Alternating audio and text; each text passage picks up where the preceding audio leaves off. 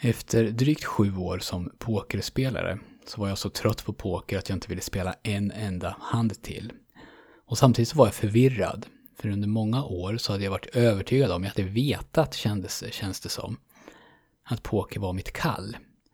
Och nu så hatade jag det nästan. Jag kände stark olust över att sätta mig framför datorn och spela. Jag kände rädsla, prestationsångest, stress och oro. Så beslutet att sluta, det borde ju ha varit lätt. Men så var det inte, utan tvärtom så var det jättesvårt. Och under lång tid efteråt kände jag en stor saknad, nära på sorg. Men vad jag inte kunde få rätsida på, det var exakt vad var det jag saknade. Och varför. Jag heter Daniel Sjöstedt och lyssnar på Monkey Mindset. Och i det här avsnittet så ska jag prata om vad det var som jag saknade, vad det var som gjorde att jag inte kunde känna samma tillfredsställelse i det vanliga livet som jag hade kunnat gjort som pokerproffs. Och hur du kan använda det jag kommer att prata om i ditt liv. Men när jag slutade spela i alla fall så märkte jag snabbt att väldigt få andra saker jag gjorde kunde tillfredsställa mig på samma sätt som pokern hade gjort. Jag längtade alltså tillbaka, men jag visste inte vad jag längtade tillbaka till. För en sak visste jag, och det var att jag inte längre ville spela själva spelet. Men under en period strax därefter så var jag med och utbildade på en coachutbildning. En kvinna som heter Melo, hon var huvudlärare och jag var lite allt i allo. Jag tror inte Milou kommer ihåg det här, men jag gör det, för under en av de här tillfällena så såg hon nog på mig att jag inte var helt nöjd, eller så berättade jag det för henne, men under en paus så började vi i alla fall prata om det, alltså vad som saknades i mitt liv. Och hon är en eh, väldigt, väldigt skicklig coach och på bara några minuter så lyckades hon skapa klarhet i någonting som jag hade grubblat på under månader, om inte år.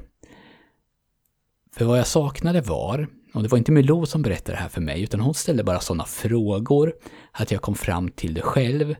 Men vad jag saknade var framförallt två saker. Och när jag kom på dem så kändes de klockrena. Alltså så enkelt och så uppenbart. Och jag undrade hur jag kunde ha missat det. Men det första var, eh, det var att jag ville känna mig smart. Alltså det var en ego-grej, men det var, eh, när jag väl kom på det, viktigt för mig. Det var på någon nivå status att få känna mig smart. Och för mig i alla fall så var bra på poker samma sak som att vara smart. Och nu i det vanliga arbetslivet så fanns mycket färre tillfällen då jag kunde känna mig smart. Det andra, och det som var viktigare, det var att jag saknade att göra någonting som var riktigt, riktigt svårt. Och det här det har jag tänkt mycket på, för vanliga jobb, de är ju också svåra livet är ju på många sätt svårt. Men ju mer jag har funderat, desto tydligare har det blivit vad jag egentligen menade. För det finns flera olika typer av svårt, minst två olika typer. Dels så finns den här typen där du behöver tänka, analysera, träna och utföra. Då du har möjlighet att jobba på en nivå som är nära ditt eget max kompetensmässigt under långa perioder, där dina egna förmågor utmanas. Det är den här typen av svårt som idrottare, artister, konstnärer framförallt, men också en hel del vanliga människor som kan räknas som högpresterare i en eller annan mening, spenderar sin tid på. Och så finns den andra typen av svårt, alltså den som många av oss har i såväl våra liv som i våra jobb. Där det är svårt att få ihop det. Svårt att hålla alla bollar i luften, svårt att se hur man ska kunna få eh, arbetsuppgift X gjord samtidigt som arbetsuppgift Y inte kan vänta. Hur ska jag hinna med att rätta alla prov samtidigt som lektionerna behöver förberedas och eleverna hela tiden knackar på min dörr och är oroliga för sina betyg? Eller hur ska jag kunna hämta på, hinna hämta på dagis och laga middag och få in träningen efter jobbet? Bägge de här typerna av svårt är krävande och då kan också bägge vara pressande och skapa stress. Ändå så är de helt olika i sin natur. Den första typen, jag kallar den för bra svårt, den handlar om att uppgiften i sig är svår. Den andra typen, jag kallar den för dåligt svårt då, Det handlar ju om att det är svårt att överhuvudtaget få jobbet gjort och att räcka till. Och att ägna sig åt någonting som är bra svårt, som kräver att du fokuserar, att du plockar fram hela din kunskap, det är på sikt väldigt tillfredsställande. När du jobbar med sådana uppgifter så har du goda möjligheter att hamna i flow, då all din kognitiva förmåga krävs för uppgiften. Och det finns, liksom, det finns ingen hjärnkapacitet över för att tänka på så mycket annat. Och forskning har visat att det finns ett starkt samband mellan hur mycket tid man är i det här flow-tillståndet och hur lycklig man tycker att man är. Att ha det svårt på det andra sättet, alltså att till exempel behöva kämpa hårt för att ens få ihop schemat, det skapar en annan typ av stress och frustration. För dåligt svårt är ju också krävande, som du säkert vet, men inte på ett bra sätt, utan på ett sätt som bryter ner. Det skapas negativ stress, stress som inte släpper när uppgiften är slutförd, utan som byggs på. Och då är det inte alls lika lätt att känna djup tillfredsställelse över det man gör. Och om jag ska tillåta mig att generalisera här, så minskar tiden som vi ägnar åt bra svårt i våra liv, medan tiden vi ägnar åt dåligt svårt ökar. Vi försöker göra mer och mer, fler arbetsuppgifter ska lösas på samma tid.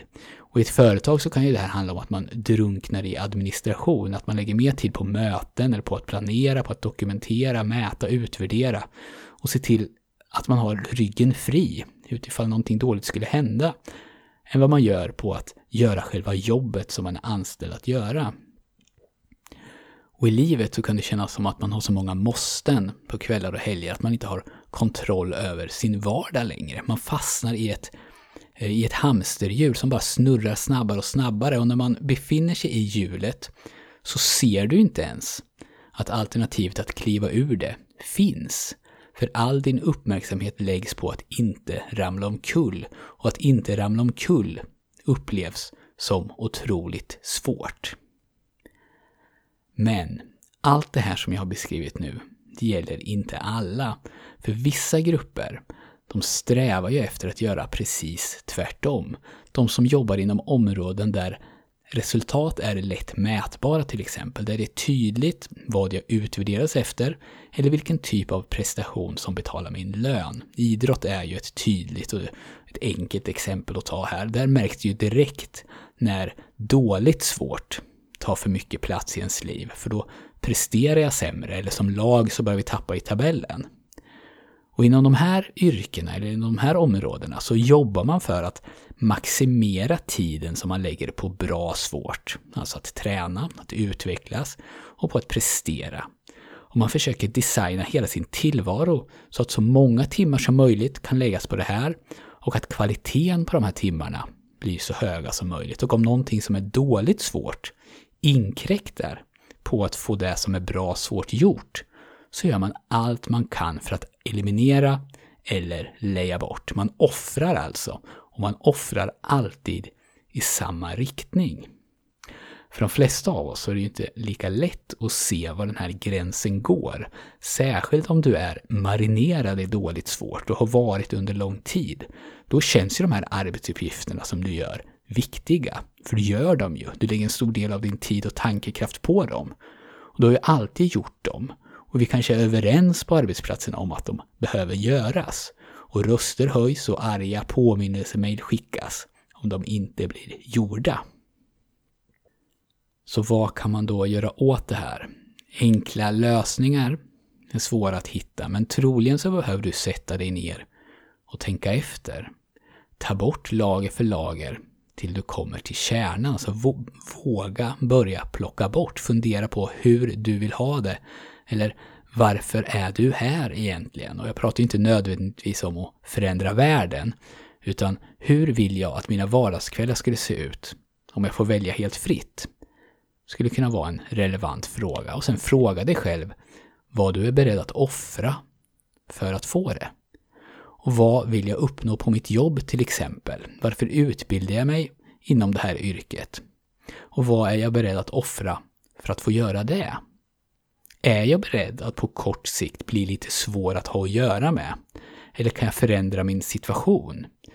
Eller är jag till och med beredd, om det nu visar sig att min nuvarande arbetsplats inte kan ge mig det jag vill ha, är jag då beredd att byta arbetsplats? Kanske, eller kanske inte, och det spelar egentligen ingen roll, för oavsett vad svaret blir, så bör du nog åtminstone ställa dig frågan, alltså ta ett aktivt beslut. För om du inte vill offra någonting för att få det som du vill, då kommer att få det som du vill bli det som du offrar.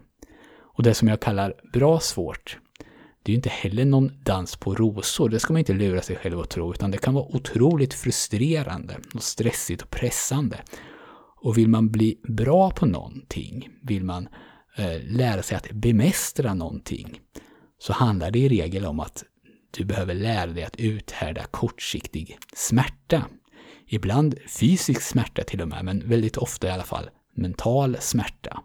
Men smärta i sig, det är ingenting farligt.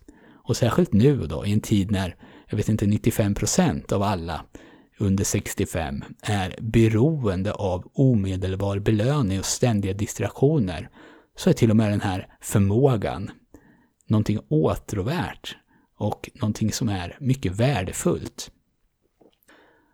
Att kunna göra saker trots att de är jobbiga, att hänga i, att inte ge upp, att göra klart det man påbörjade så bra man kan och att kunna motstå impulsen att kolla mail 20 gånger per timme eller knäppa på mobilen efter 10 sekunder där ingenting händer. Förmågan att kunna fokusera, om man ska förenkla det lite. Fokusera på det du vill, så länge du vill. Den förmågan, om du kan skaffa dig den, den kommer göra dig unik. Den kommer att ge dig en enorm fördel mot alla de som inte har den. Och om du kan fokusera så många timmar som möjligt på uppgifter som är svåra, på det bra sättet, och i största möjliga mån rensa bort sånt som är dåligt svårt, sånt som bara gör dig upptagen, så kommer du inte bara på lite sikt att upptäcka att ditt liv blir bättre, att du mår bättre, utan du kommer också i ett konkurrensperspektiv att bli ostoppbar. Det var allt för det här avsnittet. Jag önskar dig ett gott nytt 2019. Jag hoppas att det blir ditt bästa år hittills. Ta hand om dig själv och dina kära.